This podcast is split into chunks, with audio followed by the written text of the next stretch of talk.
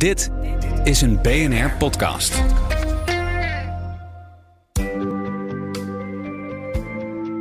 Wetenschap in het kort met Carlijn Meinders.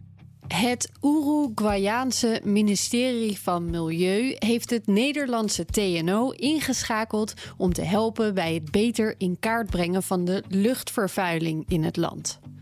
Daar gaan ze verschillende technieken voor inzetten. Anton Leemhuis van TNO vertelt meer over wat er precies gemeten gaat worden. Een van de dingen waar zij naar willen kijken is hoe zouden ze op meer plekken die luchtkwaliteit kunnen meten, zodat ze het beter kunnen voorspellen. En hier spelen ook zaken mee als uh, hoe kunnen we nou snappen of er luchtvervuiling uit andere landen ons land binnenkomt. En dan moet je eigenlijk op plekken gaan meten waar je niet bij kan, want die liggen niet in jouw land. En uh, daar komt dan de satelliet om de hoek kijken. Die kijkt vanaf de ruimte naar de aarde. En uh, die kan over een heel groot gebied metingen verrichten. En daar zien zij uh, eigenlijk een innovatief potentieel. Dat ze bij Nederland uitkwamen met deze vraag is niet zo gek. We hebben hier ruime ervaring met het ontwikkelen van meetinstrumenten. Zeker als het om satellieten gaat. Denk aan Tropomi bijvoorbeeld. Maar ook de modellen die nodig zijn om de data te analyseren, hebben we in huis. Een van die modellen, door TNO ontwikkeld, wordt bijvoorbeeld inmiddels door de EU gebruikt. En nu dus ook in Uruguay, een land waar op het moment een duurzame wind doorheen waait, valt ook te lezen in het FD. Maar wat betreft die satellietdata, is die niet gewoon openbaar beschikbaar? Dan zou het land het toch ook gewoon zelf kunnen onderzoeken? De Europese Unie via ESA, de Europese Ruimtevaartorganisatie, ook NASA, de Amerikaanse ruimtevaartorganisatie, hebben satellieten vliegen die metingen doen van uh, luchtkwaliteit, die in principe uh, vrij toegankelijk gratis te downloaden zijn. Uh, het probleem van die data is alleen dat het ruwe data.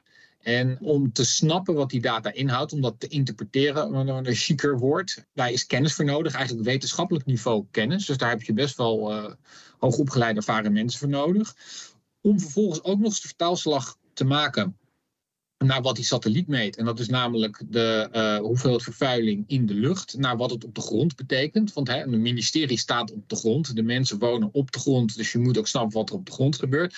Daar zijn modellen voor nodig. Nou, die, die modellen zijn ook complex. Heb je weer een boel ervaring voor nodig, mensen voor nodig. Dus je hoort het al. Er is nogal wat nodig om die data om te zetten in beleidsrelevante informatie, zoals ze dat dan met een duur woord noemen. Veel landen die niet tot de top van ontwikkelde landen behoren, hebben die kennis nog niet in huis. Zo komen ze onder andere bij TNO terecht. En ja, daar moet je dan als land wel voor betalen. Wij worden voor 30% ongeveer gemiddeld gefinancierd door de overheid. En ja, dat budget is niet toereikend om zulke landen te helpen.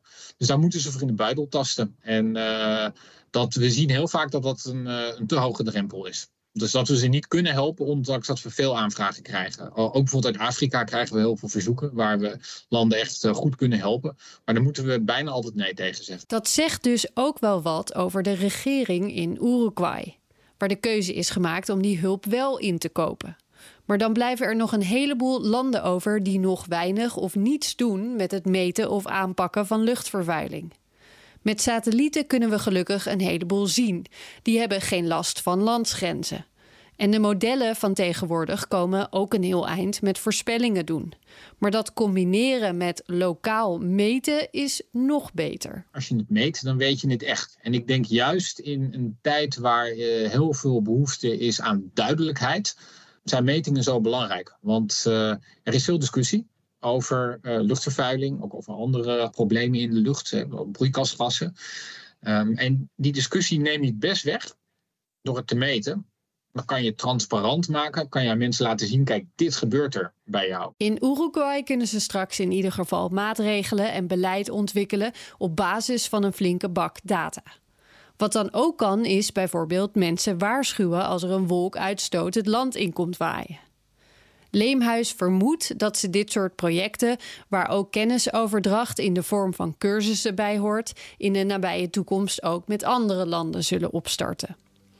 Heeft ons eigen land daar eigenlijk nog wat aan? Hij denkt van wel. Als dit slaagt, dan ga je denk ik steeds meer zien dat landen dit doen.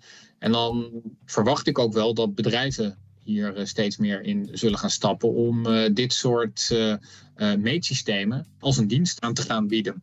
Dat zou denk ik heel goed zijn, want dan kan je het ook betaalbaarder gaan maken. Hè. Dan hoeft niet iedere keer een uniek project op te worden gezet, maar dan kan je het nou ja, bij wijze van spreken seriematig doen. En dat is over het algemeen veel betaalbaarder. En nou ja, daar zijn heel veel landen bij gebaat.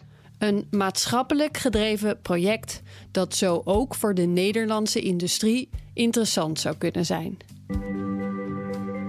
Wil je elke dag een wetenschapsnieuwtje? Abonneer je dan op Wetenschap vandaag. Luister Wetenschap vandaag terug in al je favoriete podcast-apps. Ook Thomas van Zeil vind je in de BNR-app. Je kunt live naar mij luisteren in Zaken doen. De BNR-app met breaking news, het laatste zakelijke nieuws... en je vindt er alle BNR-podcasts, bijvoorbeeld Het Nieuwe Geld. Download nu de gratis BNR-app en blijf scherp.